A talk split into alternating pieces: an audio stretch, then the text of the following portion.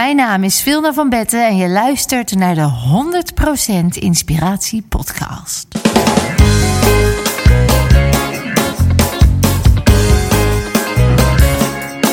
Hey, wat goed dat je luistert. Hij staat weer voor je klaar. Je wekelijkse dosis inspiratie is weer daar.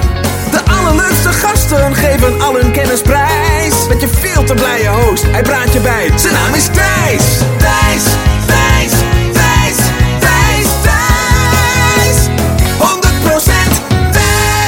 Hi, welkom bij Intens 99. Niet normaal 99, nog eentje. Nummertje 100, die gaat volgende week online. En ik weet al wie ik ga interviewen. Ik ga één ding verklappen, dat zal niet één persoon zijn, maar dat zullen er twee zijn.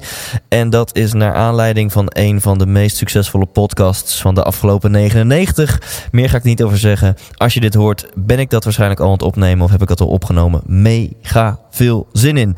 Eh, dus ja, nummertje 100 volgende week. En je weet, ook volgende week vrijdag ga ik dat vieren met mijn theatershow in Amsterdam. Ehm, in eh, Theater De Bali op... eh, ja, in Hartje Amsterdam, midden op het Leidseplein. Dus maak er gewoon een gezellig avondje uit. Weekendje Amsterdam, I don't know, maak er iets moois van. Kaarten kun je nog kopen op thijslindhout.nl. Snel naar de gast van deze aflevering. En dat is Vilna van Betten. En Vilna noemt zichzelf Live Master. Ze heeft onder andere een methodiek ontwikkeld. En dat heet de Body Mind Reset. En ja, ik ga daar gewoon niet te veel over vertellen. Het is een methode die je gaat ontdekken in deze aflevering. Waarmee je ervoor kunt zorgen dat jij bepaalde trauma's. ehm, misschien zelfs emotionele belemmeringen, negatieve gebeurtenissen uit het verleden kunt uitwisselen, eh, kunt uitwissen en daar nieuwe voor in de plaats kunt plaatsen. Nou, dit klinkt wellicht zweverig. Dit klinkt wellicht ehm, als, een, als een flinke statement. Ik zou willen zeggen, ik zou jullie vragen. Ga gewoon luisteren komend uur. Want Vilna weet het ontzettend helder uit te leggen. En het is allemaal mega wetenschappelijk. Dus ook als je gewoon houdt van, eh, van feitjes en van dingen die, die te bewijzen zijn. Dan is het een extra leuke aflevering. Met mega concrete tips. Want ze legt gewoon haar methode uit. Die jij dus straks na deze aflevering kunt gaan toepassen. Om bij jouzelf zo'n trauma of een negatieve herinnering of gebeurtenis uit te wissen. En daarvoor een positieve in de plaats te zetten. Tot slot, ehm, check thijslindhout.nl slash Vilna voor een special bij deze podcast. En het is niet normaal. Je krijgt daar haar e-book Master Your Life. En dat gaat over voeding. Dat gaat over hoe je mentaal vitaal kunt worden. Dat gaat over hoe je fysiek vitaal kunt worden. Dat e-book heet Master Your Life. En je krijgt ook nog eens gratis 40 minuten binaural beats bij. En dat is een... ehm, je zou het kunnen zien als een meditatie. Je krijgt zelfs twee versies. De versie zonder audio, dus of, ja, met audio uiteraard. Maar de versie zonder begeleidende stem en de versie met begeleidende stem. Ja, en Richard de Let heeft hier ook over. We hebben met z'n allen een tekort aan diepe ontspanning. En wat is een betere vorm dan eh, een betere vorm van diepe ontspanning dan 40 minuutjes koptelefoontje op en luisteren naar meditatieve muziek. En als je dus wil, met een begeleidende stem daaroverheen. Dat staat dus gewoon helemaal kosteloos voor je klaar op thijslindhout.nl slash Vilna, V-I-L-N-A. Heb je ooit al je e-mailadres bij mij achtergelaten, dan heb je hem al in je inbox zitten. Zo ben ik dan ook wel weer. Voor nu ontdek een unieke methode om een body-mind reset te doen. Hier is Vilna van Betten. 100% Thijs. Lieve luisteraar, terwijl Vilna aan het nadenken is over haar grootste guilty pleasure, daar heb je nog een uurtje de tijd voor. Oh ja, Ja, komt hij straks terug. oké. Denk even aan. ehm, ja, het, het moet wel iets wilders zijn dan. Ik hou van een glas wijn en een Nee, reep chocola s'avonds op de bank. Als dat je guilty pleasure is, dan heb je denk ik een heel saai leven. Ja, daarom. Ik heb Dus wel andere guilty pleasures, maar of ze guilty zijn. Dat, eh, nou, Ja, goeie. nou, maar de cliffhangertje, daar mag je even over Ja. nadenken. leuk. We gaan beginnen. Ehm Vilna van Betten zit tegenover mij. En eh, mijn eerste vraag aan jou: wat wil je worden als je later groot bent? Wat ik wil worden? Ja, wat wil je worden als je later groot bent? Nou, volgens mij wil ik gewoon zijn wie ik in diepste wezen ben. En eh, dat is dicht bij mezelf blijven en optimaal het leven benutten zoals ik me gelukkig en gezond voel. Nou, Dat klaar. is, eh, dat is dat ook is- mijn grootste conclusie na dit onderzoek van acht jaar. Ja, dus toch? ja, dit Ja. was hem. Ja, dus jij zegt ik wil 100% Vilna zijn. Ja, Mag ik hem zo samenvatten? ja, ik, Ja? ja? dat is het. Ja. Dat En is eh, het. neem ons eens even mee. Want dat antwoord dat komt niet zomaar uit je duim gezogen. Wat maakt dat jij denkt van, nou ja, dat, ik ik wil gewoon zijn wie ik ben. Ik denk wel dat ik drie dingen heb meegemaakt in mijn leven die me daar heel bewust van hebben gemaakt. Dus dat, uh, zou, daar zou ik je zeker even mee naartoe willen nemen. Maar ik weet ook dat ik als heel jong meisje altijd al bezig was met de mensen om me heen. Dat ik dacht, waarom rook jij? Is dat handig? Als je toch weet dat je doodgaat, waarom steek je dan een sigaret op? Dus ik was wel altijd wel met levensvragen al bezig en het gedrag van de mens. En um, toen was ik negen jaar en toen kreeg ik een uh, ongeluk. Toen viel ik door het raam. Ik was met mijn broer circus aan het spelen en ik viel door een raam en ik kreeg een stuk glas in mijn uh, keel van uh, 8 bij 11 centimeter en die raakte mijn slagader. Zo. Ja, en mijn vader was eigenlijk overdag nooit thuis, want hij was verzekeringsadviseur. Maar toen, godzijdank wel. En die heeft mij nog nooit zo snel naar het ziekenhuis gebracht als toen. En dus mijn leven gered. En dan ben je als negenjarig meisje... word je ineens heel erg geconfronteerd met de vergankelijkheid van het leven. En dat weet ik nog wel heel goed dat ik me realiseerde... oh, je kan dus morgen dood zijn. Ja, dus dat heeft wel al iets getriggerd in elke dag die ik heb is een cadeau en dankbaar en uh, leef je leven. Dat heeft iets getriggerd. En toen ik. Uh, Want je kan je echt nog herinneren dat je toen als negen jaar jong meisje met dat soort vragen aan de haal ging. Heel dat erg. Toen... Ja, dat ik echt me bewust was van jeetje, het kan morgen voorbij zijn. En ik was zo verliefd op het leven.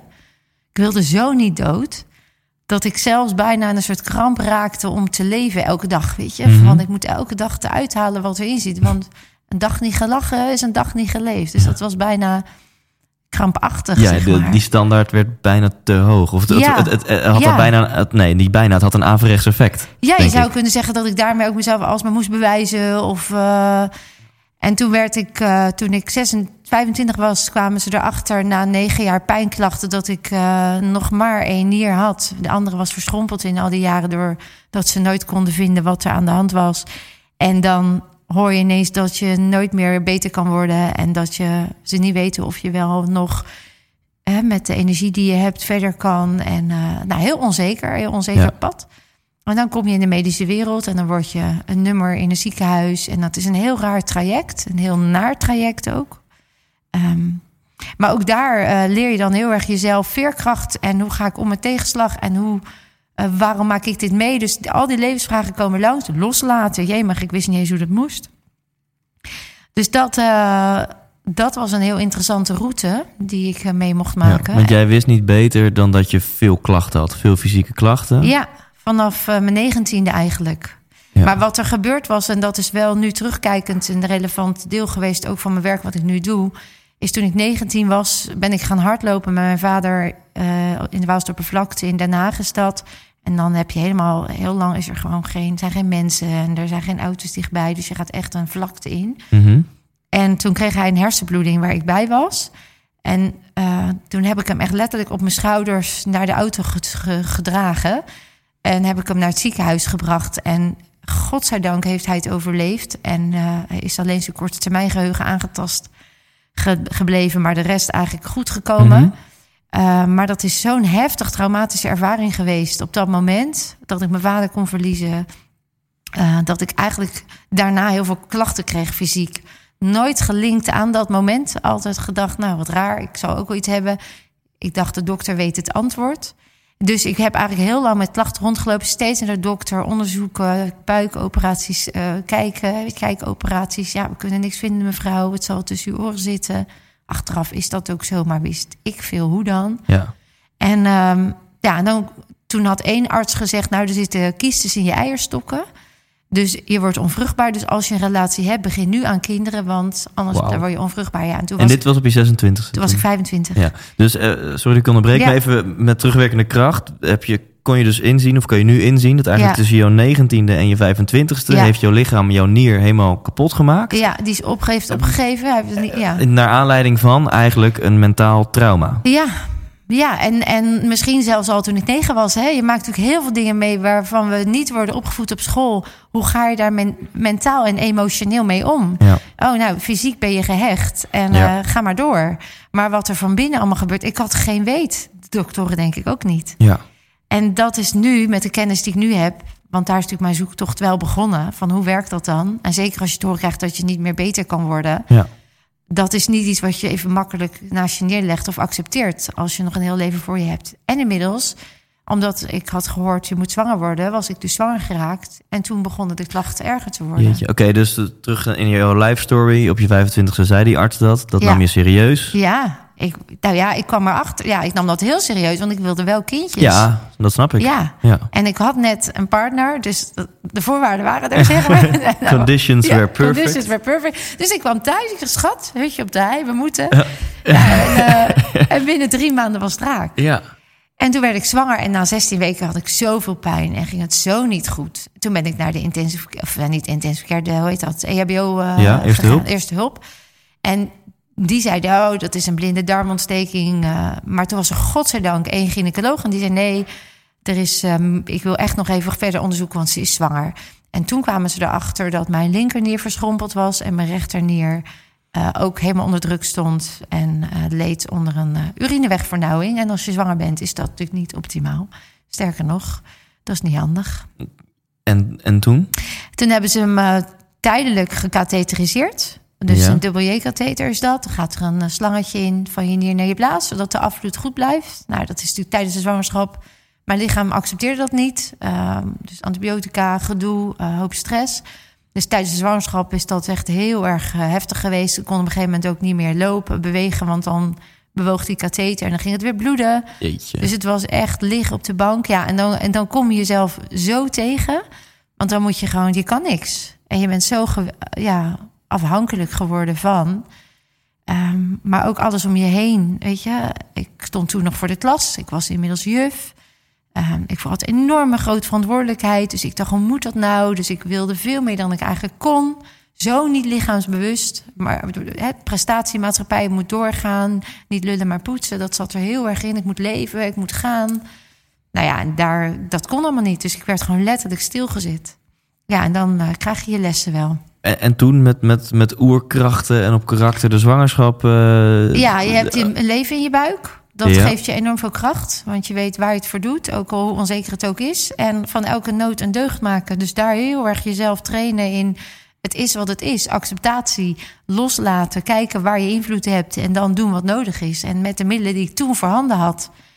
Alleen, het gaf mij ook de tools om te kijken wat er nog meer is dan dat ik nu wist. Omdat ik gewoon merkte dat ik in patronen bleef hangen die niet het resultaat gaven wat ik wilde. Dus godzijdank heb jij een gezonde zoon op aarde gezet. ja, ja, Eh, en wat maakte dan dat jij daarna, want in principe zeiden de artsen, ja, die, die een van jouw nieren is gewoon op. ja. Dus jij zal voor de rest van je leven met klachten moeten leven. En de andere nier die had een urinewegvernauwing. ja, dus, Dus, en die zou, daar konden ze wel in opereren. Dat hebben we ook gedaan. Maar de operaties waren niet succesvol. Dus de klachten bleven. En wat? Want ik denk dat 999 van de duizend mensen die dit te horen krijgt, die denkt, ja, nou ja, Dat is het dit zijn de experts. Ja. Eh, ik bedoel, ik ga ook niet eh Ja, maar artsen. Weet Ik- je, dus wat maakte dat jij dacht, ja, maar ik ga even op zoek. Ik ga kijken nou, of... dat is wel een mooie, goede vraag. Er was één moment, nu je daarnaar vraagt, wat ik terug kan halen. Er was namelijk een arts en die wilde mij opereren. En die zei, dan moeten je ribben uit elkaar. En dan moet je heel heftig. En dan zou je dan zes weken herstel. En dan mocht je niet tillen. En ik had ook net een klein kindje. En toen weet ik nog dat ik de Nierstichting belde. Van joh, komt dit vaker voor? Wat weten jullie ervan? En er zat een vrouw, een engel zou je kunnen zeggen. En die zei, joh, er is een andere arts in Eindhoven. En die is de enige in Nederland. En die kan het laparoscopisch doen. En dan hoef je ribben niet uit elkaar. Heb je geen zes weken herstel. De Accusise heette dat. En dan, dus, net pas in Nederland, komt uit Amerika. Maar dat zou zoveel schelen voor jou met een klein kindje. En toen dacht ik, oh, wacht even. Dus wat hier nu als waarheid neergelegd wordt, hoeft helemaal niet de waarheid te zijn. Want er is nog een hele andere waarheid. En in Amerika is er misschien nog wel een andere werkelijkheid. Ja, En hoe zit dat bij de shamanen? En hoe zit het bij... Dus is datgene wat ik nu te horen krijg wel wat het is? Of zijn er andere manieren om mezelf hieruit te trekken? Ja, Dus dankzij die vrouw, dat weet ze eigenlijk niet eens... Nee. dat realiseer ik me nu ook pas... ben ik veel kritischer gaan kijken naar wat het aanbod was... en of dat wel was wat nodig was ja. voor mij. misschien ook wel frustrerend dat je denkt, door mijn proactiviteit, omdat ik die telefoon pak en bel Ja. met de Nierstichting, moet ik Ja. erachter komen dat er wel een pijnloze of betere methode is om mij te helpen. En dat was nog een methode vanuit de medische hoek. Want later ontdekte ik natuurlijk nog een heel andere methodiek. Maar dat was wel inderdaad wat het was. En ik, ik zou nooit de medici afvallen. Of, want die mensen handelen heel integer. En zij Mhm. worden opgevoed en geconditioneerd met de wijsheid in die boeken, die vanuit die ervaring is ontstaan. En het doet ook heel veel goeds. Alleen er is meer. Ja. Er is meer. Ja. En dat is ook minstens net zo goed en soms zelfs beter. Ja. ja. En dit was voor jou dus eerste domino-steentje waardoor jij verder ging kijken. Absoluut, ja. En dan kan je ons dus meenemen dan in die Ja. tocht. Want wat heb jij, eh, ja, wat ben je gaan onderzoeken en wat ben je gaan toepassen en Ja. wat waren daar de Nou ja, resultaten van? eerst natuurlijk wel naar die eh, arts in Eindhoven. Die heeft wel die makkelijkere operatie gedaan. En eh, nou, dat, dan eh, moet je wel nog zes weken met een katheter lopen. En dan hoor je, is het geslaagd of niet? En dan is er zo'n groot procent slagingskans zo niet. Nou, eh, de pijn was niet weg. Het was beter, de afvloed. Dus, nou ja, het zou in principe geslaagd kunnen zijn. Maar het is afwachten hoe het zich zou gaan manifesteren. Dan komt daar heel veel angst bij. Ik zat echt in angst. Nu weet ik dat allemaal. Toen niet, want ik was ontzettend afhankelijk. En ik dacht, ja, maar als ze het niet zeker weten, oh, dadelijk gaat het mis. Hoe lang kan dat? Hoe lang kan ik zonder katheter lopen? Dus ik zat ontzettend vast, mentaal en in angst en in, eh, in stress. Nou ja, en vanuit daar eh, ben ik zeg maar steeds verder gegaan naar andere manieren om mezelf te genezen. Ehm, toen kreeg ik te horen dat, ik, eh, dat de afvloed dusdanig oké was... dat ik eventueel als ik meerdere kindjes wilde ook nog zwanger kon worden.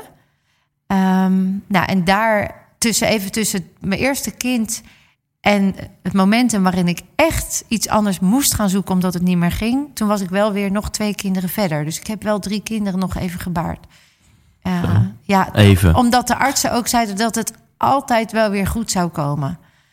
Uh, maar na de derde zwangerschap kwam het dus niet meer goed.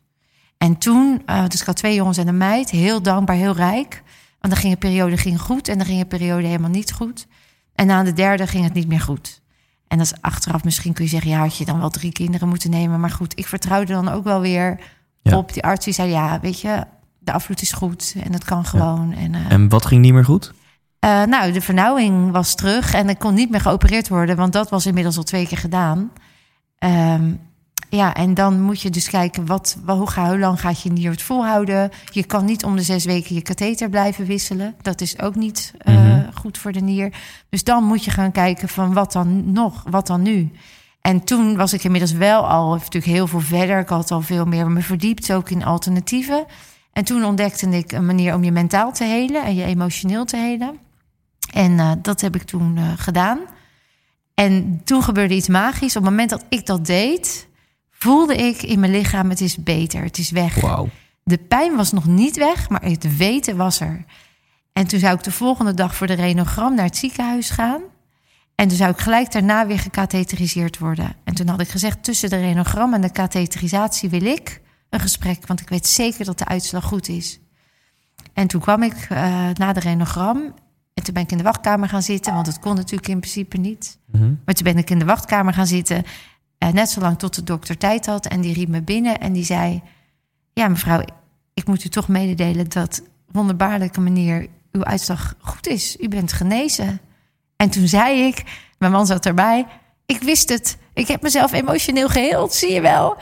En ik zie, zal nooit die blik van die arts vergeten. Dat hij dacht: oh, Oké, nou, fijn. En hij doet dat dossier dicht en hij stopt het onderin zijn la en hij zegt goedemiddag. Maar tot hij, ziens. hij dacht uh, een heks in mijn praktijk of zo. Wat, wat dacht hij? Ik denk dat hij er echt gewoon niks mee kon. Dat hij echt dacht, nou ja, het zal wel bestaan, maar niet in mijn, mijn wereldmodel. En fijn dat het voor jou werkt, maar ik moet door met ja. patiëntnummer zoveel. Ja. Ik weet niet wat hij dacht, maar voor mij was dat zo. Want ik dacht, je wilt toch weten hoe? Want er zitten ja. nog heel veel mensen daar en die kunnen hier zomaar wat aan hebben. Nou, ik en mijn luisteraars willen wel weten hoe. Dus ja. we willen heel graag nu die band terugspoelen. Want ik, ik, denk dat heel veel mensen dit moment hun auto in een vangrail hebben geparkeerd. En echt denken van wat? Ze heeft ja. zichzelf emotioneel geheeld. Ja, ik hoop niet dat ze zich in de vangrail hebben geparkeerd. Maar nee. ze zullen hopelijk wel ver, verwonderd en ook benieuwd zijn. Want ja. het is natuurlijk niet iets wat abracadabra dus, dus is. Waar heb je die methode gevonden? Welke methode? En, en, wat heb je dan dus gedaan? Nou, inmiddels heb ik mijn eigen methodiek. Hè, na alle ervaring die ik heb. Maar, mm -hmm. maar waar het over gaat, is dat. Misschien mag ik het uitleggen met een voorbeeld uit het dierenrijk, of wordt dat te ver van de bedshow? Ik denk dat jij uh, heel goed weet dat je het op die manier heel duidelijk kan uitleggen. Okay. Dus, uh, ja. Nou, wat Eh, als je bijvoorbeeld kijkt naar een gazelle of een impala... Ja? die eh, met een jacht door een jachtluipaard wordt aangevallen... dan eh, er gebeuren eigenlijk twee oerinstincten bij zo'n eh, gazelle. Die gaat of vluchten of vechten. En als vechten niet lukt en vluchten ook niet... dan gebeurt er een derde mechanisme en dat is freeze. En die freeze, die, dat gebeurt eigenlijk in het, een onderste laag van het brein. Die hebben wij ook, het reptiele brein en het zoogdierenbrein en de neocortex. Maar die onderste laag, daar zitten die mechanismen, die overlevingsmechanismen. Dus eerst vechten, vluchten. Op het moment dat dat niet gaat, komt er een freeze. Die freeze, die doet iets magisch. Er gebeuren twee dingen. Enerzijds ben je ontzettend scherp. Op het moment dat die jachtluipaard denkt, je bent dood... kun je nog, en dan laat je even los... kun je het momentum pakken om nog alsnog weg te vluchten... Twee, je komt letterlijk in een ander bewustzijn, in een ander bewustzijn, waardoor je de pijn niet meer voelt als je de dodelijke beet krijgt. Dus je, alsof je al even wordt klaargestoomd in al je energie, in al je cellen voor de vergankelijkheid naar een nieuwe werkelijkheid, naar een nieuw, naar de dood. En wat dat ook mag zijn. En dat is gewoon wetenschappelijk onderzocht. Hè. Er is ook gekeken wat gebeurt er chemisch. Wat, ehm, en die breinen hebben wij ook. Dus elke keer als wij iets meemaken in ons leven wat heftig is, waar onze oerinstincten zeggen vechten en vluchten, maar we kunnen niet, want we worden in een keurslijf gedrukt of je hoort je op een bepaalde manier te gedragen, of er wordt een pilletje ingestopt omdat we denken dat dat de manier is, dan zet je jezelf eigenlijk vast in die freeze die dan ontstaat. En die freeze die heeft een bepaald eh, chemisch proces, waardoor alle stroming in je lichaam letterlijk blokkeert. En als je dat niet ontlaat, dan krijg je dus dat jouw tandwiel, jouw radertjes, die allemaal verbonden zijn met elkaar, al je organen, al je cellen, alles is een systeem in beweging. Je ademhaling, je bloed stroomt, alles is in beweging. Als dat ergens geblokkeerd wordt als een propje in een rietje, dan kun je je voorstellen dat er omheen langzaam ook alles stopt. Net als een klokwerkje, Ja. een radar. En dan gaan mensen klachten ervaren. En dan snappen ze niet dat dat ooit ontstaan is omdat de tandarts wilde boren waar jij bang was en niet kon zeggen dat je bang was. Of waar jij onwijs gepest werd op school, maar niet voor jezelf kon opkomen omdat je die tools niet had. En het niet kon verwerken omdat je niet wist hoe. En dan zijn er dus allemaal freezes in jouw lichaam ontstaan die zorgen voor fysieke of mentale klachten waarvan jij denkt, ja, maar ja, Jezus, dat viel eigenlijk best wel mee. Of ik, ja, god, het is wel gebeurd, maar maar dat wel ervoor heeft gezorgd dat je nu nog vastloopt. Want daar heeft het niet door kunnen stromen, dus je kon niet doorontwikkelen. En daar ben je dus nog dat kleine meisje of dat kleine jongetje die vastloopt in dat stuk. Ja. En bij de dieren zie je dus bij die gazellen, er zijn hele mooie filmpjes ook over op eh, in natuurfilms. David Attenborough, I love him. Maar die, die, dan zie je als die impala weg kan, hè, dus je, je komt uit die benarde positie en je handelt ernaar, dan wat doet zo'n impala, zo'n gazelle? Die gaat dan naar een rustige plek en die gaat daar liggen en die gaat ontladen. Die gaat heel diep ademhalen, die gaat schudden. En dan komt hij weer in het bewustzijn van het nu. Hij heeft de prop uit het rietje gekregen. En dan is het alsof er niets gebeurd is. Dan is hij weer vrij en alles stroomt weer optimaal. Gaat zijn lichaam weer functioneren? Ja. Komt zijn voedselvertering weer, Weer op gang? op gang enzovoort. En dan zie je ook, dus, dus dieren van nature krijgen geen welvaartsziektes zoals wij ze krijgen. A, omdat ze- de, hun input is, is van nature wordt, is gezond. En ze regelen het van nature, die lichaamswijze. Ze staan nog zo dicht bij hun lichaam. En wij leren dat af. Als babytje doe je dat wel. Je weet heel goed, en je geeft het ook heel goed aan, non-verbaal, verbaal, wat je nodig hebt en wat je wenst. En later wordt je dat afgeleerd. Op school krijg je te horen dat je mond moet houden, dat je moet luisteren, dat je vooral niet voor jezelf mag opkomen, want dan ben je brutaal. Wat je niet goed doet, krijg je vooral bevestigd. Dus je leert heel erg strategieën af om dicht bij jezelf te blijven, op jezelf te vertrouwen, om eh, lichaamsbewust, wat voel ik nu, hoe herken ik het, hoe erken ik het en hoe handel ik ernaar. Dus de, de methodiek die ik heb eh, mezelf heb aangeleerd, maar ook heb ervaren, maar ook leer aan mensen, is puur de freeze ontladen, zodat alles weer stroomt. En dan kan het dat het in vijf minuten, dat je echt van iets af bent waar je jarenlang over hebt gedaan. Ja. Want het is gewoon gewired in je systeem. Het is niet dat als het er jarenlang zit, dat het er dan ook jarenlang over doet om het weg te halen. Nee, je kunt gewoon het propje in één keer wegkrijgen als je de angel hebt. Dus even samenvattend, hè, dat systeem dat werkt nog supergoed. Ja, Misschien wel gelukkig in Ja. ons systeem. Hè, want die, dat, het heeft een functie, het heeft een doel dat je gaat Absoluut. freezen. Het is een het overlevingsmechanisme. is absoluut belangrijk. Dus op het Ja, moment dat jij in die stoel bij die tandarts ligt, op het moment dat jouw partner het uitmaakt, op het moment dat jij afgaat voor de groep, of whatever, trauma je meemaakt, of Ja. je wordt geslagen of misbruikt, wat allemaal natuurlijk verschrikkelijk is, Ja. dat- dan is dat systeem ontzettend functioneel. yes. Maar ergens zijn we niet meer in staat om het los te laten. Niet dat je dan, dat je dan elke dag freezed blijft, maar Nee. op onbewust niveau blijft, kom je niet uit die freeze. Absoluut. En je bent 95% van al je gedrag in het nu komt uit het onbewuste. Komt uit dat reptiele Ja. brein. Dus alles wat daar in een blueprint nu ligt en wat ooit er is komen te liggen, wat niet meer eh, wat jou belemmert, waarvan je niet bewust bent, heeft dus nu een gedrag in het nu, waardoor jij merkt, hé, ik heb ergens last van, of ik kom niet verder, of ik zit in een depressie, of ik een burn-out, of ik voel me, ik heb fysieke kwalen en ik snap er niks van. Het stroomt niet meer daar. Ja. Ja, en dan gaan wij met z'n allen een pleister plakken op die externe wond. Of zoals mijn goede vriend Richard Telet zegt... alsof je je oliebran- olielampje brandt in je dashboard van je auto. Ja. En als maatregel ga je het lampje eruit draaien en gooi je uit je raam. Exact, dat doen we. Terwijl als je die angel eruit haalt, dan is het gewoon anders. En dan is het weg. Dan heb, zit je dus letterlijk in een ander bewustzijn. Ja. En dan, kan het, dan heb je een shift in awareness gemaakt. Ik vergelijk het wel eens met...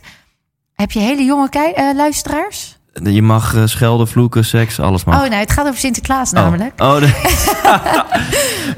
Luisteraar, er komt, eh, een, komt een een, een, onthulling. een, onthulling over Sinterklaas. Nou, het is heel simpel. Als je, eh, daarom vind ik het zo'n lekker vergelijk, omdat iedereen dat volgens mij heeft meegemaakt. Er is toen je, toen je geboren werd, dan heb je miljarden neuro, eh, neuronen en, en zenuwcellen die met elkaar kunnen verbinden. Die zorgen dat jij ontwikkelt zoals je ontwikkelt. En elke gedachte, alles wat je doet, wat je zegt, wat je hoort, wat je meemaakt, dat worden patroontjes in je brein. En als dat bij elkaar past, dan worden het teams. En die slijten helemaal dieper in. Net als een rivier met water. En op een gegeven moment is het een gewoonte en doe je het onbewust bekwaam. Logisch, want als ik elke dag opnieuw moet nadenken hoe ik mijn broek aantrek, wordt het wel een heel zwaar leven. Ja.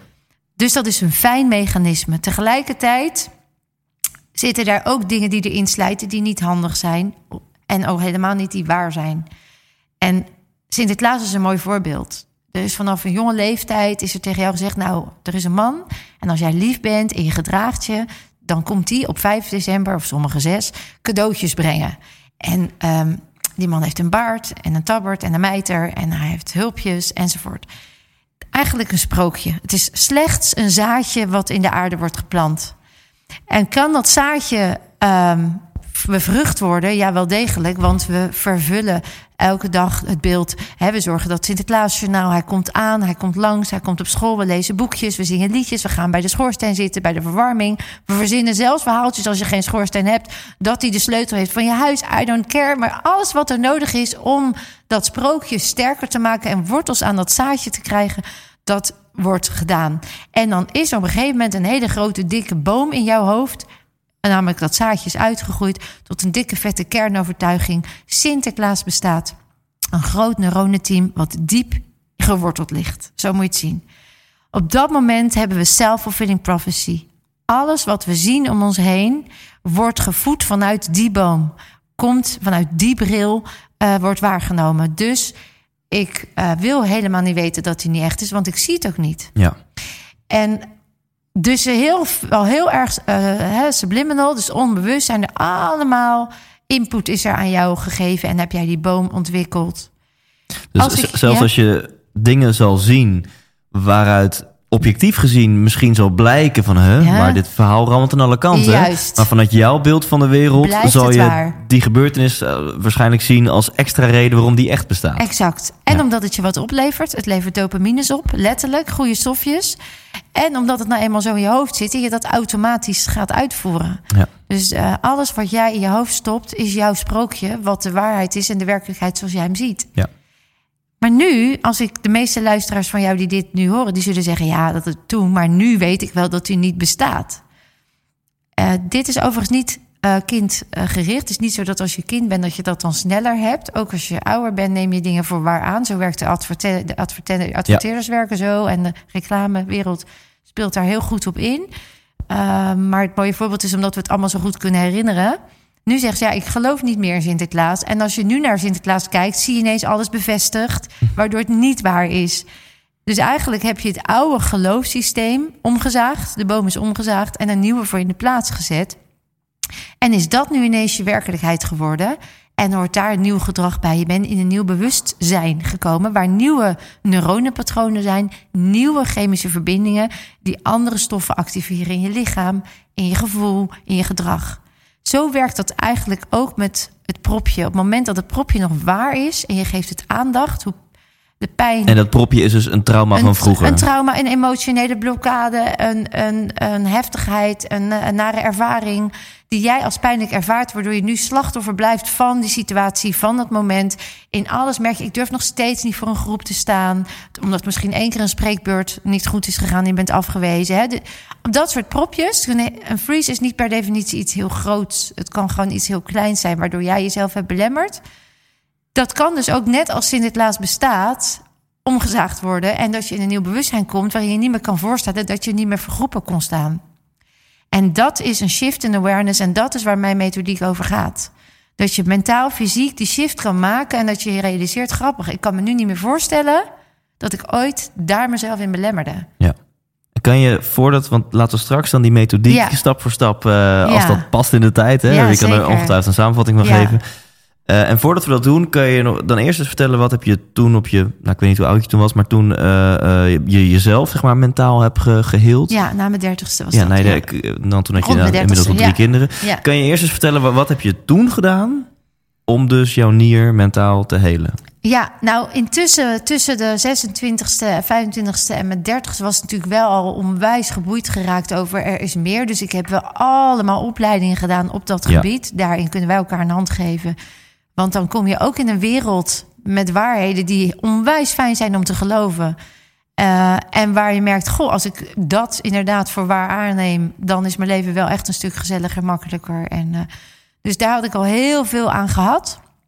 Uh, en het laat, dus het echt, het, het, ik was nog helemaal niet bezig met fysiek helen, maar wel met, nou ja, hoe kun je nou toch zorgen dat je ondanks tegenslag goed in het leven blijft staan en acceptatie en loslaten en, enzovoort. En toen ik dus veel meer geïnteresseerd, toen ik hoorde van ja, maar de, de kans dat het niet meer heelt is zo groot en je toekomst is dus zo anders. Terwijl ik nog zoveel plannen had en de wereld nog wilde ontdekken en uh, nou ja, mijn kinderen een goede moeder, fitte moeder wilde zijn. Ja. Toen ben ik natuurlijk veel meer gaan kijken wat is er nog meer als het gaat over fysiek helen. En toen heb ik op dat moment een, um, een hele mooie interventie gedaan die bij mij heel erg goed aansloeg en ik zelf nu helemaal geoptimaliseerd heb. Maar het kwam er eigenlijk op neer dat ik naar de plek ging waar de pijn was. Daar de, in mijn onbewuste ben gekomen. De herinnering die gelinkt was aan datgene wat ik, uh, waardoor dat propje was ontstaan, naar boven kon laten komen. Dat kon oplossen alsof het een, een andere herinnering werd.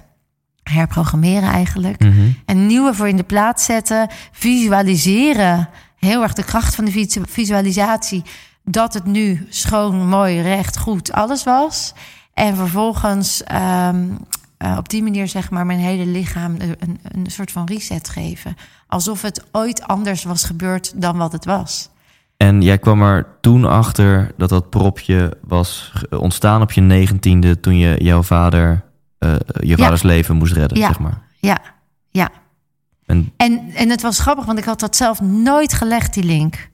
Dat had ik nooit gelegd. Dus je, ik kwam ook, uh, zeg maar, op, in herinnering waar ik zelf niet had verwacht dat ik daar kon komen. Ja. Ik had zelf nooit het verband gelegd ook al überhaupt. Ik dacht gewoon, nou, ik heb dat, ik heb pech. Mijn lichaam is zo, ik ben waarschijnlijk geboren met die pech. En uh, dat, dan moet je naar een dokter en die lost dat op. Ja. Dat was echt hoe ik erover dacht, weet je. En natuurlijk inmiddels al wel minder, dat was al minder waar. Maar ik had nooit kunnen bedenken dat dat aan elkaar gelinkt ja. was. En even heel versimpeld gezegd, jij volgde dus de stappen uit een boekje. Ja. En, en, en toen ging je zelf dat proces in. In. En toen kwam je eerst dus achter dat propje. Fuck, dit is op mijn negentiende bij dat specifieke Ja, en ik dacht ook nog, nou, ik, ik was nog heel sceptisch ook. Maar op dat punt was ik ook bereid om alles te doen om het te genezen. Ja. Dus ik dacht, nou ja, ik kan wel sceptisch blijven, maar ga er nou maar gewoon open in. En dan eh, zie je het wel. Baat het niet, dan schaadt het niet. En zo kwam ik dus tot. ehm, het, en, en het mooiste momentum vond ik. Want ik kan wel bedenken dat het weg is. Maar dat is neocorticaal. Hè? Dat is mijn denkende brein. Dat is de neocortex. Maar ik moet, om in verbinding te blijven met het lijf, moet het, moet het, moet het een weten zijn, een voelen. En dat verschil had ik zo heel sterk. Dat het niet was, ik wil dat het weg is, dus het is weg. Want dat zeg, kan je tegen jezelf zeggen, maar dat heeft niet het gewenste effect. Nee, het was echt de lichaamsbewustzijn wat op dat moment mij overviel. En het weten dat het echt oké was. Dat was waarin ik dacht, wauw. Ik heb hier dus gewoon een shift in awareness. Dat kon ik toen niet zo benoemen, maar nu. Ik ben gewoon een ander mens nu. En ik werd laatst getriggerd door een film die ik zag. En dat heet, die heet volgens mij Split. En dat gaat over een man met 21 persoonlijkheden. Hm. En die, eh, in die film, en dat is, ook, dat is ook echt zo. Die, die film wordt natuurlijk heel erg uitvergroot en het is een film. Maar hij, op het moment dat hij die andere persoonlijkheid wordt, verandert zijn hele fysiologie. Ja. Letterlijk. Oogkleuren kunnen zelfs veranderen. Dat. Nou, dat meenemen in wat ik je nu vertel, betekent dus dat ik een kracht in mij heb die mij iets kunnen laten veranderen aan mezelf, wat ten gunste is van waar ik wil zijn. Ja. Dat is toch cool? En, en nu wil denk ik iedereen horen hoe, hoe precies. Ja. En dat heb je denk ik nu in je eigen methodiek heb je dat verwerkt. Ja, we Ehm. hebben, ja, er zijn natuurlijk, je hebt emotionele pijn, je hebt fysieke pijn, je hebt een quick fix, iets wat instant, eh, enkelvoudig. eh, je zit bij de tandarts en je voelt iets opkomen en je denkt, ah, ik ben even out of control.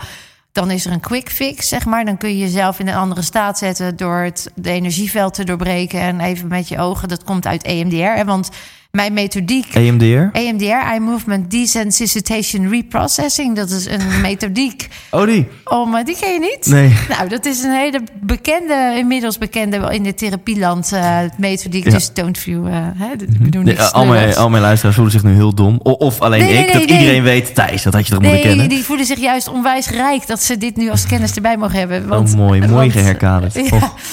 Want ehm, nee, EMDR is natuurlijk een therapieland, een heel veel Ja. eh, gebruikte methodiek. Waar je met oogbewegingen eigenlijk hetgeen wat in je brein eh, opgeslagen is, weer op een andere manier erin zet. Eh, en dat middels zintuigelijk werk herprogrammeer je dat. Dus dat was al een hele fijne die heel goed werkte. Alleen niet altijd en niet overal, merkte ik. Dus ik wilde hem nog meer verdiepen, nog duidelijker neerzetten. Nog meer die kern beetpakken, sneller. Ehm, maar, maar oogbewegingen zitten wel ook in mijn methodiek. Een deel daarvan. Niet Ja. het hele proces, maar een deel.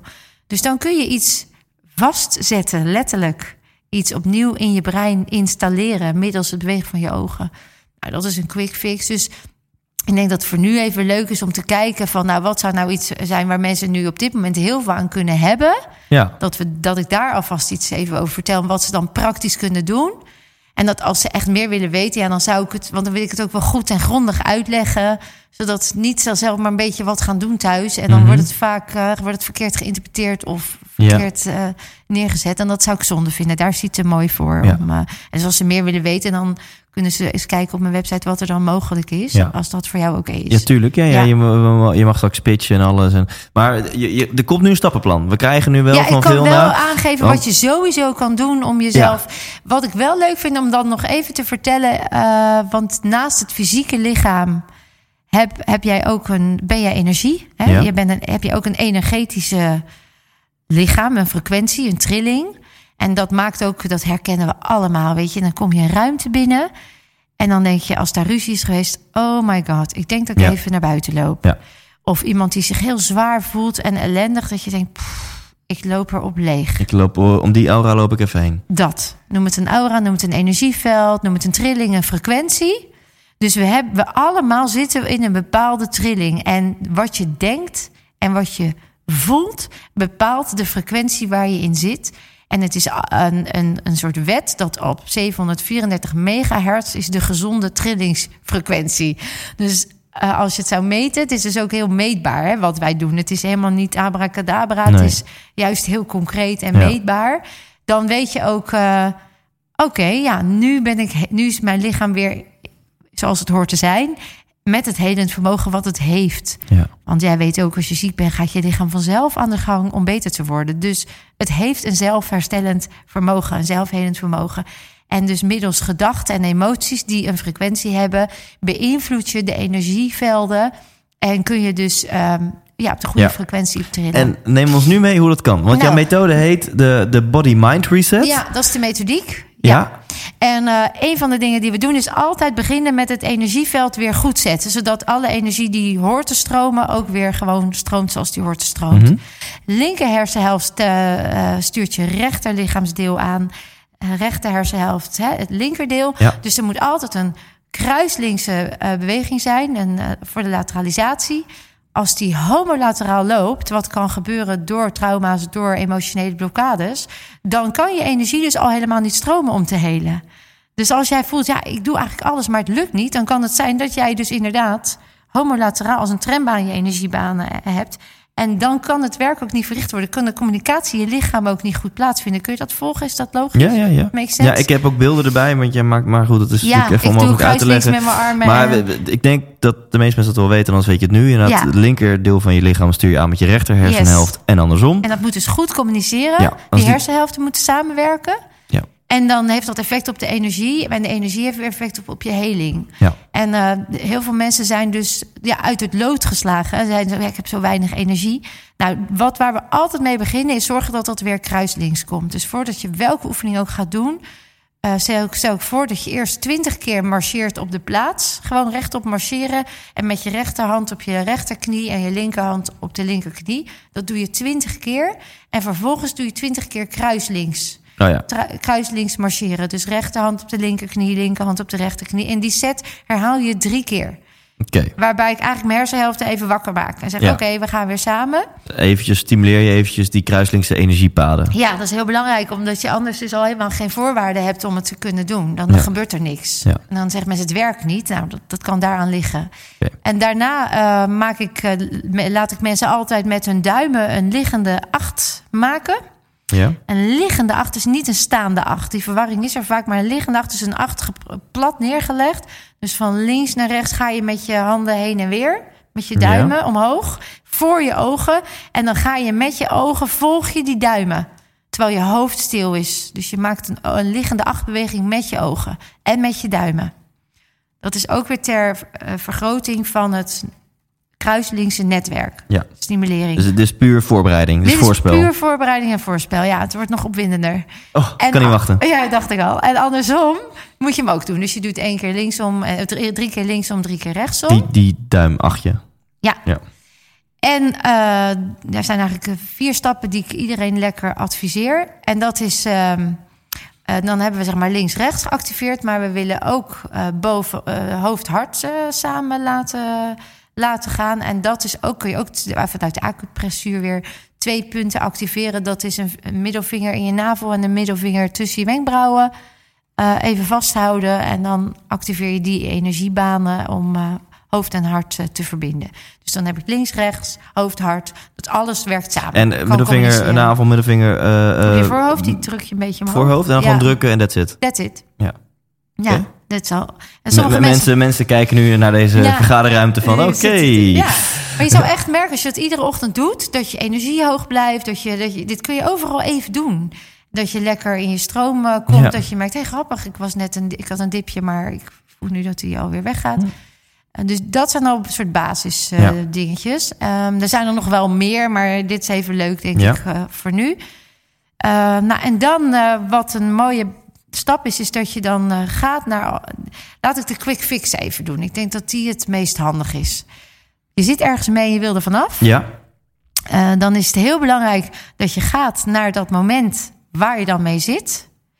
En dan ga je voelen wat je voelt, horen wat je hoort, zien wat je ziet. en op dit moment zitten, staan, ogen dicht, ogen open. Whatever, maakt niet uit. Als je daar naartoe gaat, kruis je je handen en kruis je je voeten. Kruislinks, handen en voeten. Weer Ja. in die kruislinkse stand. Ja. Waarom doe ik dat? Ik doorbreek daarmee het energieveld van hoe je het ooit hebt opgeslagen. Oh ja. Makes sense, toch? Ja. Dan eh, ga ik dus naar dat beeld waar ik die stress ervaar. Dat kan fysieke pijn zijn, dat kan emotionele pijn zijn, dat kan een toekomstpijn zijn waarvan je denkt: oh, ik moet dat doen, maar ik durf niet, ik wil niet, ik moet examen doen, oeh, ik zie er tegenop. Ja. Dan ga je voor jezelf na: wat voel ik, wat zie ik, wat hoor ik? En dat ga je duiden. Je hoeft er dus niet over te praten, je gaat het voor jezelf intern representeren. Ja. Dat komt natuurlijk weer uit, dat weet jij ook, NLP. en op neurolinguistisch programmeren. Hoe heb je het opgeslagen in je brein? Is het groot? Is het klein? Is het kleur? Is het zwart-wit? Is het ver weg? Is het dichtbij? Maar het voldoet al als je het gewoon het plaatje voor je ziet. Ja. En dan ga je daar, als het lukt, voelen wat je daarbij voelt. Sommige mensen vinden dat nog ingewikkeld. Het is wat het is. Met wat je hebt, doe je nu wat je kan. Als je het voelt, ga dan even naar dat gevoel en geef dat een cijfer. Van 0 tot 10.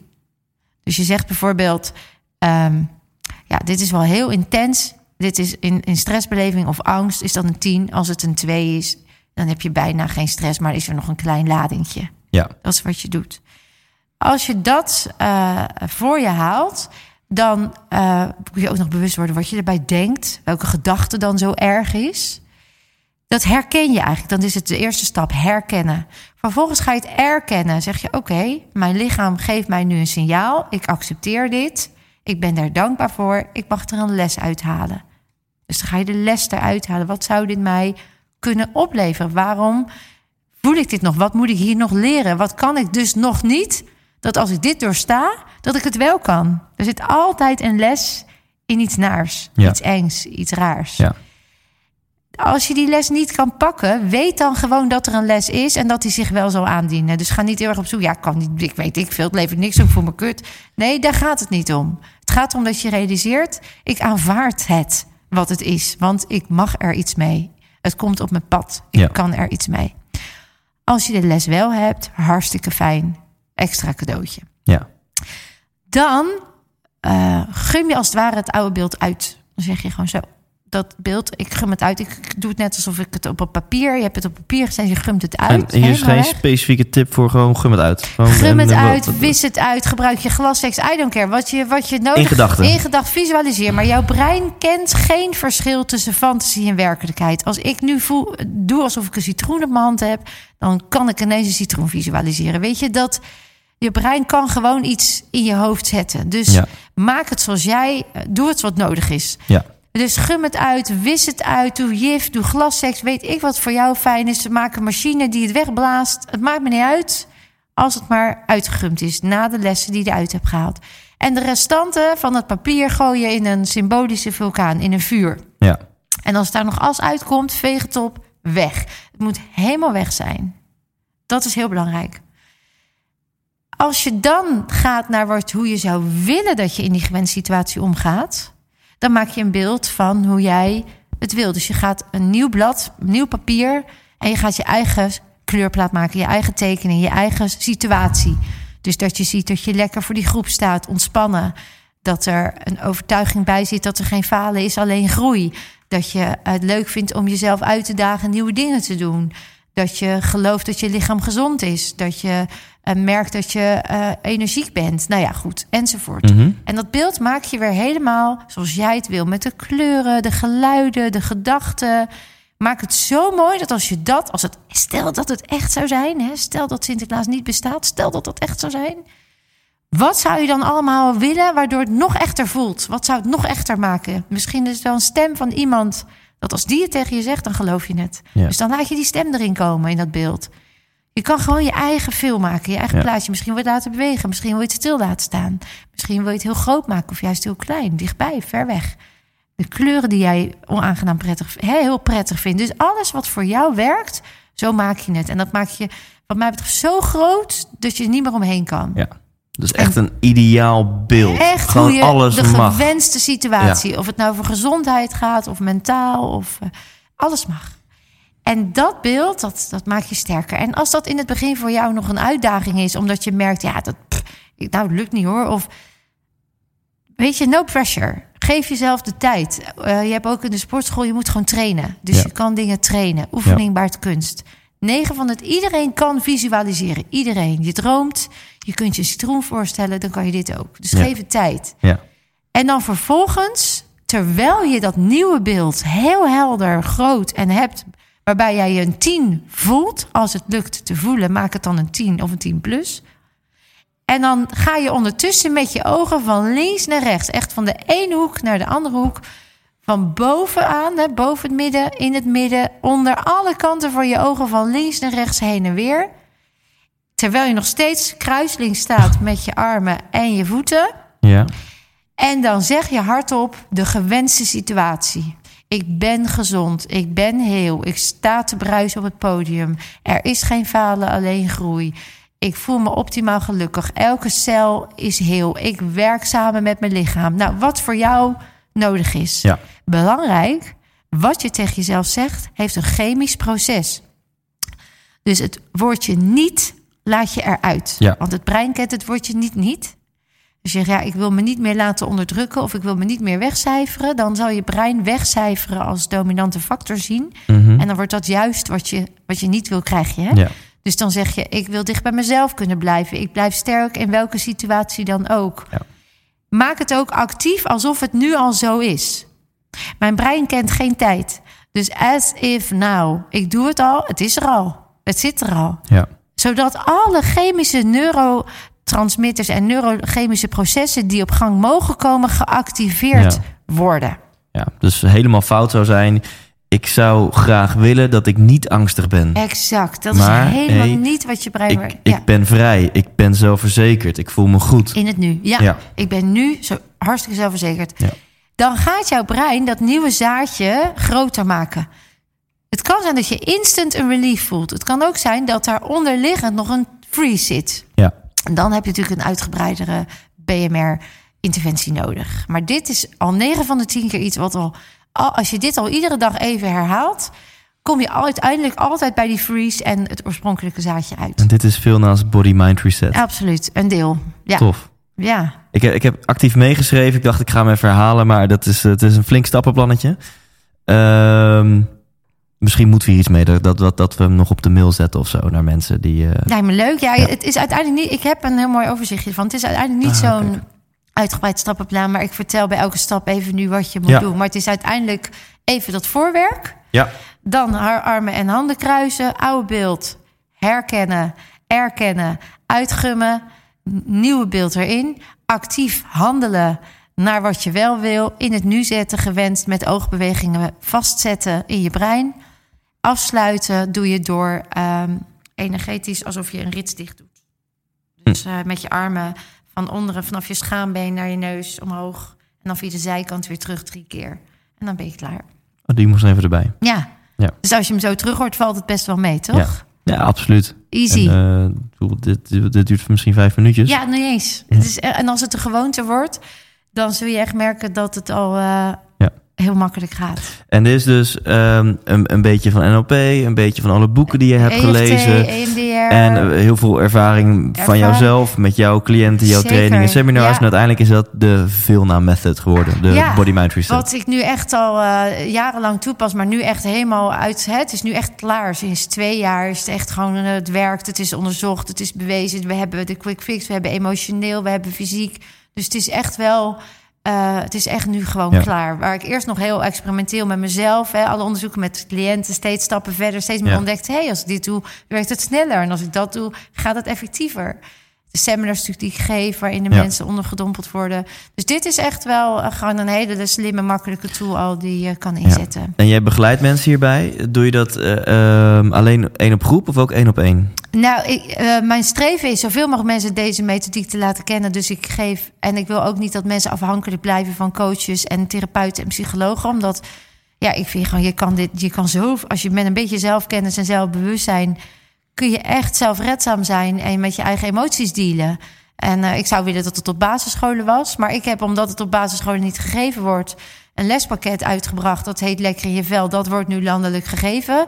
Maar daarnaast eh, heb ik een school op, opgezet. En mijn school eh, is eigenlijk de Life Master Academy. Waarbij je gewoon leert het zelf te doen. Je leert hoe ga ik met emoties om? Wat is veerkracht? Hoe herken ik, erken ik en handel ik daarnaar? Hoe werkt mijn brein? Wat doet stress met mijn lichaam? Wat is een ziekte? Hoe werkt dat? Hoe kan ik dat herprogrammeren? Hoe kan ik het resetten? En hoe kan ik de tools dagelijks inzetten? Easy. en, en snel, waardoor ik gewoon gezond en gelukkig kan zijn. En als mensen denken, nou, die Live Master Academy, daar wil ik meer informatie over, dan kunnen ze denk ik gewoon naar vilna.nl. Ja, zeker. Ja, met de V. Met de V van Victor. Van Victory. Van vrouw, Victory. ja, Ja, ja vilna.nl. Wat fijn, dat je Ja. gewoon je voornaam.nl hebt. toch? Ja. Ja, Dat is op zich veel natuurlijk niet een naam die super vaak voorkomt, dus dat is Nee. in je voordeel. dat was zeker een voordeel, ja. Ja, mijn goede vriend eh, Tibor heeft ook Tibor.nl, maar Thijs.nl, dat zit er Jammer even, dan, eh, hè? Die heb je, ja, maar jij hebt, dan heb je een ander gelukje ergens. Ja, Ik, eh, ik zit vol gelukjes. Daarom. Ben gezegend. Ja, Ehm, ik zit ondertussen naar Thijs.nl te gaan uit nieuwsgierigheid.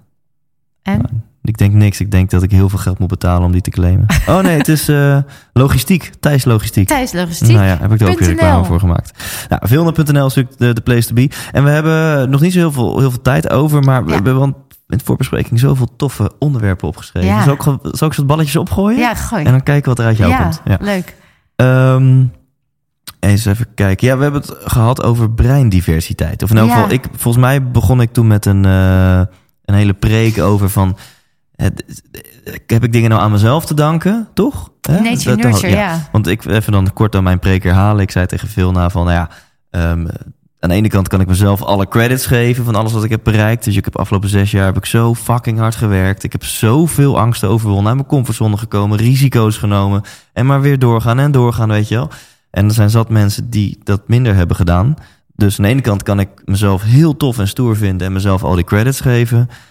Aan de andere kant kan ik ook stellen, ja, kan ik er wat aan doen dat die chips bij mij zijn geïnstalleerd? Dat ik blijkbaar bovengemiddeld veel moed, lef heb, zelfreflecterend vermogen heb. Daar heb ik nooit voor gekozen. Ik heb niet gekozen voor passie, dat zit er bij mij in. Ja, Punt. Einde preek Thijs. En toen zei jij, ja, interessant, prefrontale cortex, breindiversiteit. Eh, Laten we hier eens over filosoferen. Wat, wat, wat is jouw, Ja. jouw visie hierop? Nou, de, de- de twee dingen die eigenlijk gelijk in me opkomen is dat eh, op het moment dat je, dat je zou redeneren dat het zo is, dan heb je een fixed brain. En dat zou betekenen dat je brein, eh, zoals je bent geboren en zich ontwikkelt met de blauwdruk die je meekrijgt, dat je daar de rest van je leven aan vastzit. Dat is ook wat men vroeger dacht. Je bent, je bent zo. En dan zeiden ze ook, ik ben nou eenmaal onzeker. Ik zeg, nee, je doet aan onzekerheid. Die strategie heb je ontwikkeld. Er is een andere manier die ook werkt. En dat is zekerheid. Die kun je er ook in zetten.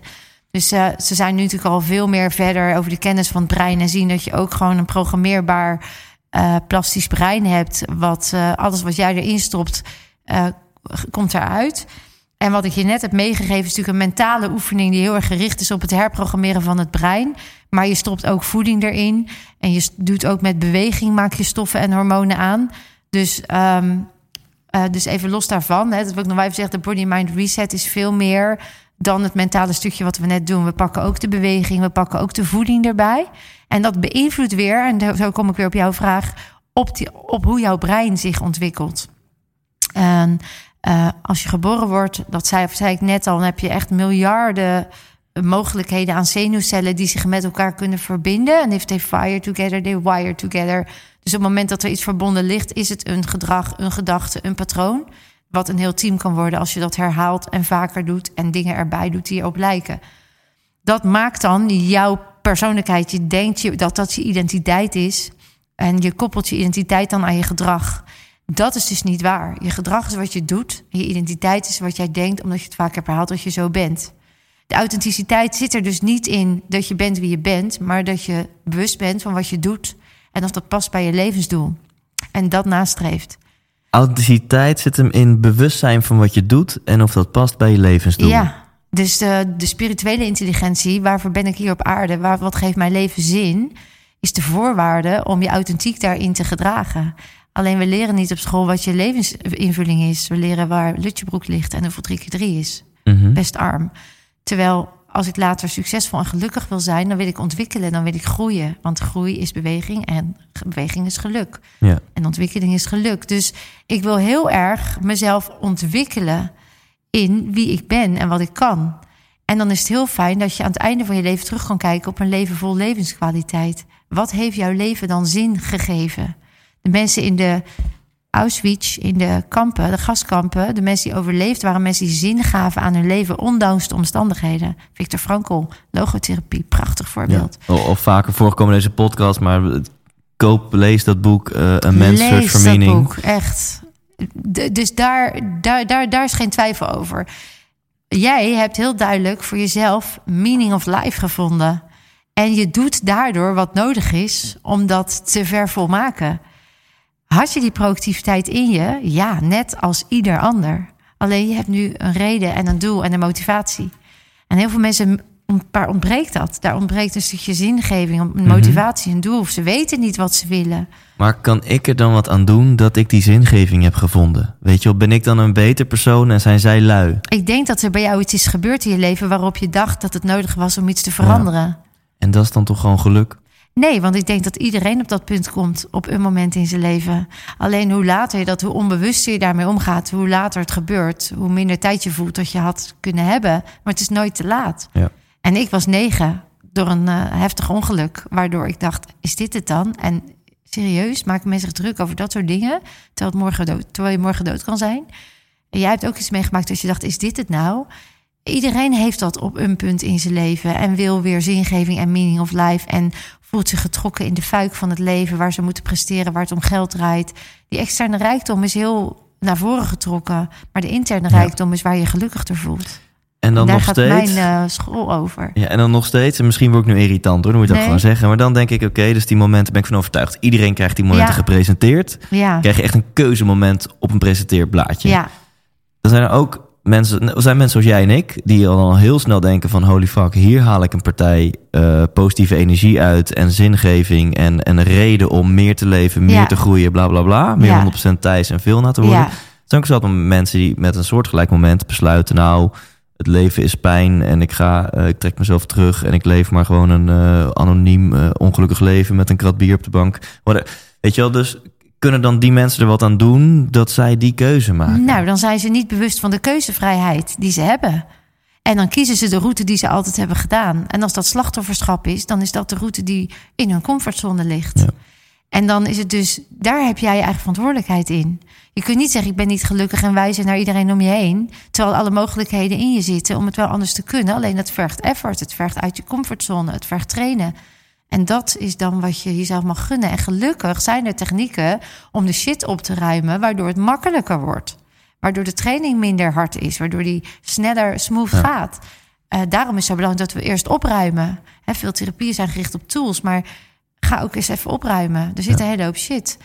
Ja. Dus zit het van nature bij je? Ja. Is er breindiversiteit? Ja, want jij ontwikkelt je anders dan ik.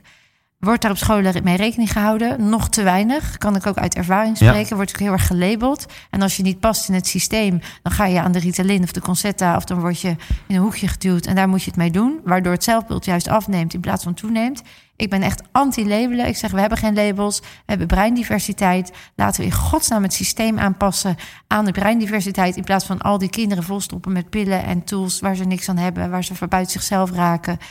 En moet- die moeten meedoen in het systeem. En, en even voor de duidelijkheid, als je nu het begrip breindiversiteit mag, mag uitleggen. Ja, nou dat iedereen dus een eigen ontwikkeld brein heeft met eigen strategieën, waar een andere benadering voor nodig is dan een eenlijnige rekenles bijvoorbeeld. ja. En dat we daarmee leren omgaan en het systeem daarop aanpassen, zodat iedereen zich kan ontwikkelen vanuit zelfvertrouwen en kracht en adaptief kan zijn als het moet. Ja. En dat, dat, dat is waar mijn doel ook ligt en mijn missie. Dat we vanuit gelijkwaardigheid en mens zijn met elkaar omgaan. Ja. En niet vanuit prestatie en materialisme en geld. En ik denk om nog even af te sluiten, de, het gesprek wat we net hadden, de discussie. Dan denk ik, uiteindelijk kunnen we volgens mij eeuwen, eh, urenlang zo'n ja wel eens niet een spelletje spelen. En uiteindelijk ja, is het ook niet meer zo relevant, denk ik. Van Nee. of mensen nou er wat aan kunnen doen dat ze die keuze A of B maken. Uiteindelijk, zei jij het denk ik heel mooi, ja, ben je toch verantwoordelijk voor je eigen keuzes, voor je eigen het. geluk. Ja. En ehm, En, ja, ja, en je wordt ook wel geboren met een bepaalde aanleg soms. Hè? Dat is ook wel zo. Alleen ook daarin zijn alweer zoveel onderzoeken. DNA, epigenetica, waarin je dat kunt beïnvloeden en veranderen. Dus er is zoveel meer. En in die, in die opleiding die ik geef, leg ik het je echt allemaal uit. Het is nu Ja. gewoon te kort. Ik merk dat ik veel meer wil vertellen dan. Nou ja, eh, je noemt even, even het woordje epigenetica komt tussendoor. Nou ja, Ja. over hè, eh, beeld van de wereld gesproken. Bij dat woord heb jij Ja. een heel groot beeld van wat dat is. het En beïnvloeden ik, van je genen. wat, neem ons eens mee, wat is dat epigenetica? Nou, epigenetica is letterlijk het beïnvloeden van de genen, waardoor dus je hele eh, bewustzijn, je hele zijnstructuur verandert. Ze hebben een onderzoek gedaan, bijvoorbeeld naar tweelingen. die eh, allebei hetzelfde DNA hebben, eeneidige tweelingen. Die zijn in leefomstandigheden, daar gaan die leefomstandigheden zijn weer zo belangrijk, geconditioneerd. En ze hadden allebei niet het gen, het dikmaakgen. Hebben ze all over the world hebben ze dat onderzocht. Van allemaal één eigen tweelingen. Maar één van die twee is heel dik geworden en diabetes 2 ontwikkeld en de ander niet. Hoe kan dat? Als je allebei hetzelfde DNA hebt, dezelfde potentie zoals jij het zegt. Waarom die ene dan wel en die andere dan niet? Waarom wordt één slachtoffer en de Ja, ander niet? ja. Zelfde structuren. Nou, er is dus gebleken dat al die mensen die dat dikmaakgen gen hadden ontwikkeld, die waren door een trauma Ja. geblokkeerd geraakt. En daarmee is het gen veranderd, DNA veranderd. Dat is bijzonder. Als het dus uitgezet kan worden of aan, dan kan het ook aan of uit. Wauw. Dus dat fight, flight, freeze is zo fucking krachtig Ja. dat we onze hele chemische samenstelling kunnen aanpassen. absoluut. En dat kan generaties lang doorgegeven worden, totdat iemand het doorbreekt. Wauw. En dat is cool. En daar, dat vind ik gaaf om dat mensen mee te geven. Hoe doorbreek je dat? Waar je ook staat thuis, mentaal, fysiek. eh, eh, wil je gewoon weten hoe het werkt? Communiceren op een andere manier, optimaliseren. Het is zo leuk om technieken te leren. Hoe je brein werkt, hoe je anatomie werkt. Welke voeding hè, ook effect heeft op je brein en je neurologische en je chemische processen. Je darmen. Ik ben ook orthomoleculair voedingsdeskundige. Dus alle input, welke input ga ik vanaf nu mezelf geven, zodat ik zeker weet dat ik goed voor mezelf zorg. Ja. Dat is wat ik je meegeef. Dat je daar kennis over hebt. Dat je niet, want er komt zoveel op je af. Al die prikkels en die beweert dat en die beweert dat. En wij laten het gewoon ervaren in een week tijd. Onderga je het, dat is mijn, dat is mijn opleidingsweek, mijn BMR Live Master Week. Daar onderga je niet alleen de reset, maar leer je ook. En krijg je de juiste voeding en de bewegingen fysiek die nodig zijn. Maar je leert ook hoe je dat dan toe kan passen op jezelf Tof. en je kinderen. En dat is echt een investering voor de rest van je leven. Ik zit even op filna.nl en ik zie dat je ook een inspiratiedag doet als mensen Ja, dat is een een Live Master dag. Hè. De- we Ja. hebben nu de naam, het programma heet nu Live Master. En je hebt ook de nieuwe week. site is on the way. Ja. Ja, En ehm, di- dit hebben we niet voorbesproken, dus dit wordt eh, spannend en improviseren. Maar kunnen we iets weggeven aan mijn luisteraar? Want ik maak thijslindhout.nl slash. Vilna aan. Eventjes eh, AVG, Leuk. GDPR-proof, die e-mailadressen deel ik met jou. Dus Ja, als mensen top. daar een e-mailadres achterlaten, dan eh, word je misschien een keertje gespamd door jou of mij. Maar dan moet je me uitschrijven als je dat niet leuk vindt.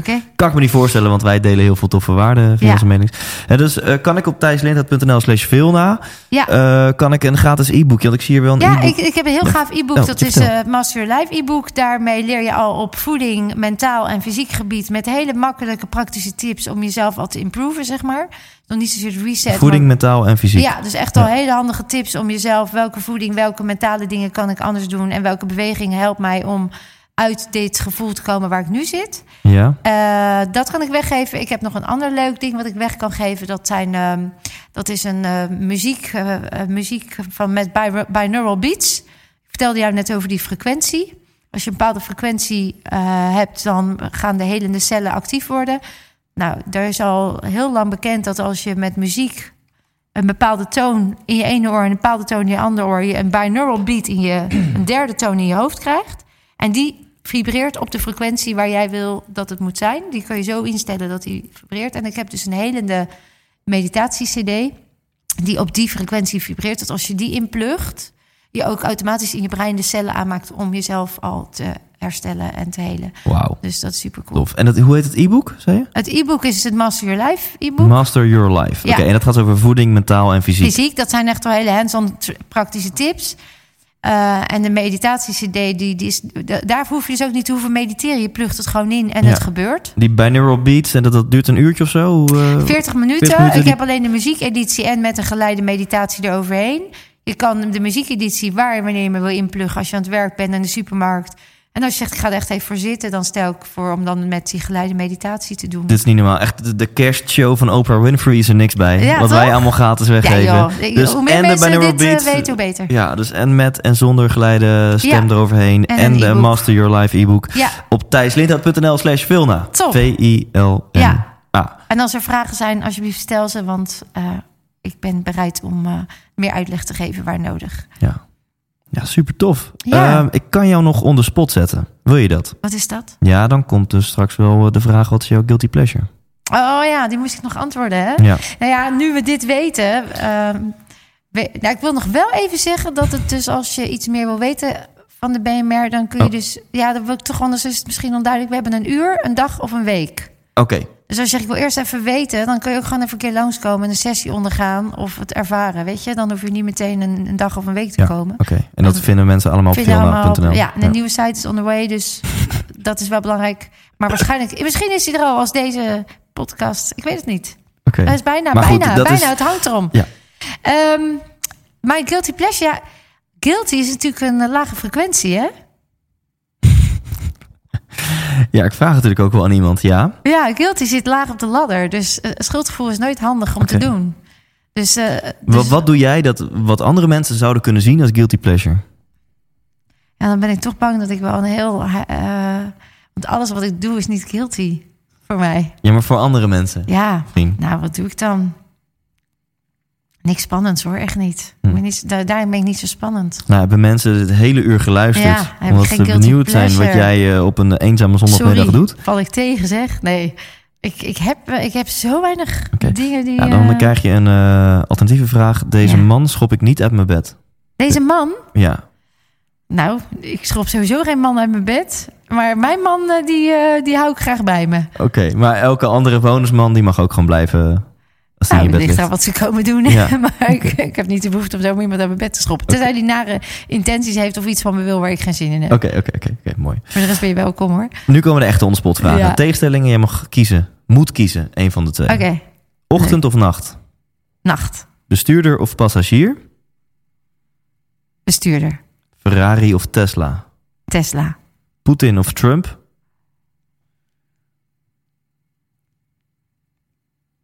Jemig.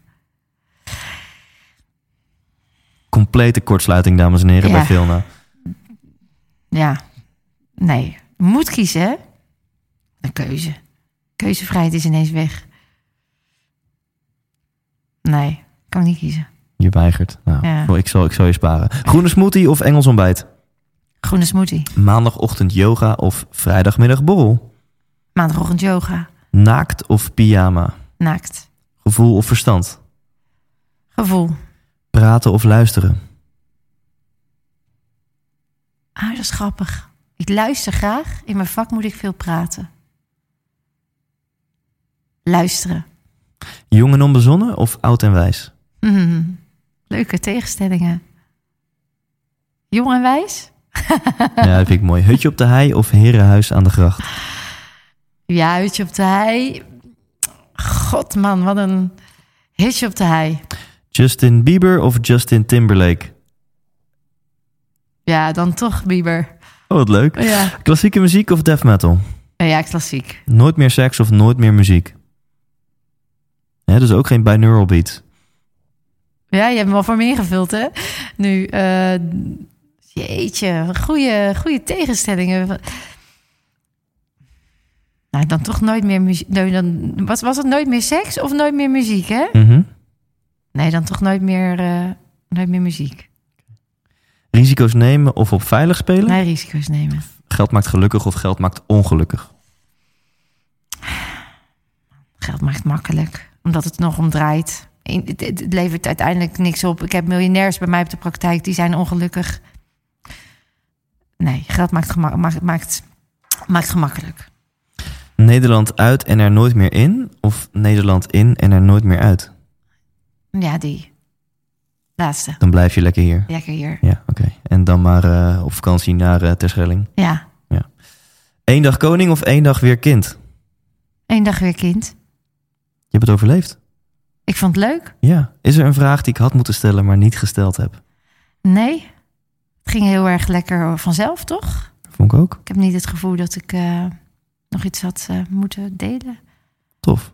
Ik denk dat mensen nu gewoon keihard naar thijslindhout.nl slash filna moeten gaan voor, voor meer hierover. En dan, Zou ik eh, het leuk vinden als ze zichzelf dat gunnen. Ja. Ja. mooi gezegd. Dankjewel. Ja, Ja, ik zou mijn ervaring willen, dat wil ik echt delen, want het is te mooi. ja, maar daar hebben we het net ook in de voorbespreking even over gehad. Of jij praat hier toevallig met wat mannen die ineens begonnen over marketing en social media. En je bent iemand die zo passie gedreven is. Je bent ontzettend goed in wat je doet. Eh, en, en dat hele marketingstuk en promotie. Ja, dat vergeet ik. Ja, Ja.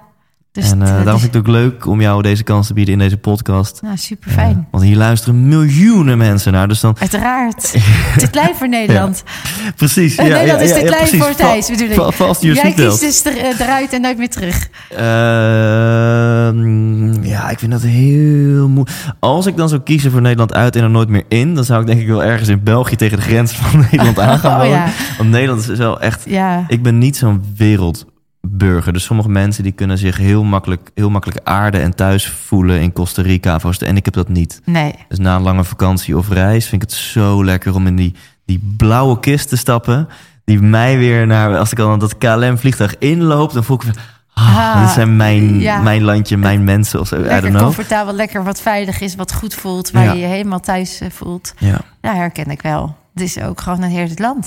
Het is Ja. een prachtig land. ja, het is bizar hoe gezegend te zijn. Zeker. Dat realiseer ik me altijd weer als ik terugkom uit het buitenland ook. Ja, Ja. Ja. Dus ik herken het. mooi om mee af te sluiten. Ja, Box. dankjewel. Box. Dankjewel. dankjewel voor vandaag. Bedankt voor het luisteren naar Intens 99.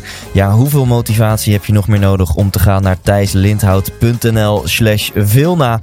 Ik denk dat je dat gaat doen, want daar tref je haar e-book en dat heet Master Your Life met concrete tips om optimaal te leven op het gebied van voeding, mentaal en fysiek. En wat misschien nog wel vetter is, is die MP3, dat audiobestand met binaural beats. Ik zelf weet dat het een van de grootste ja, verbeterpuntjes nog van mijn leven is om wat vaker diep te ontspannen. Om wat vaker mijn ogen dicht te doen en te mediteren. En ja, je kunt het jezelf gewoon een stuk makkelijker maken. Het is gewoon zoveel makkelijker als je daar een audiobestand voor hebt. Waarbij je ook nog kunt kiezen of je dat met of zonder begeleiding van een stem wilt. Ehm, en ik hou ervan om, om dingen die gezond voor je zijn makkelijk te maken. Dus check dat thijslindhout.nl slash Vilna.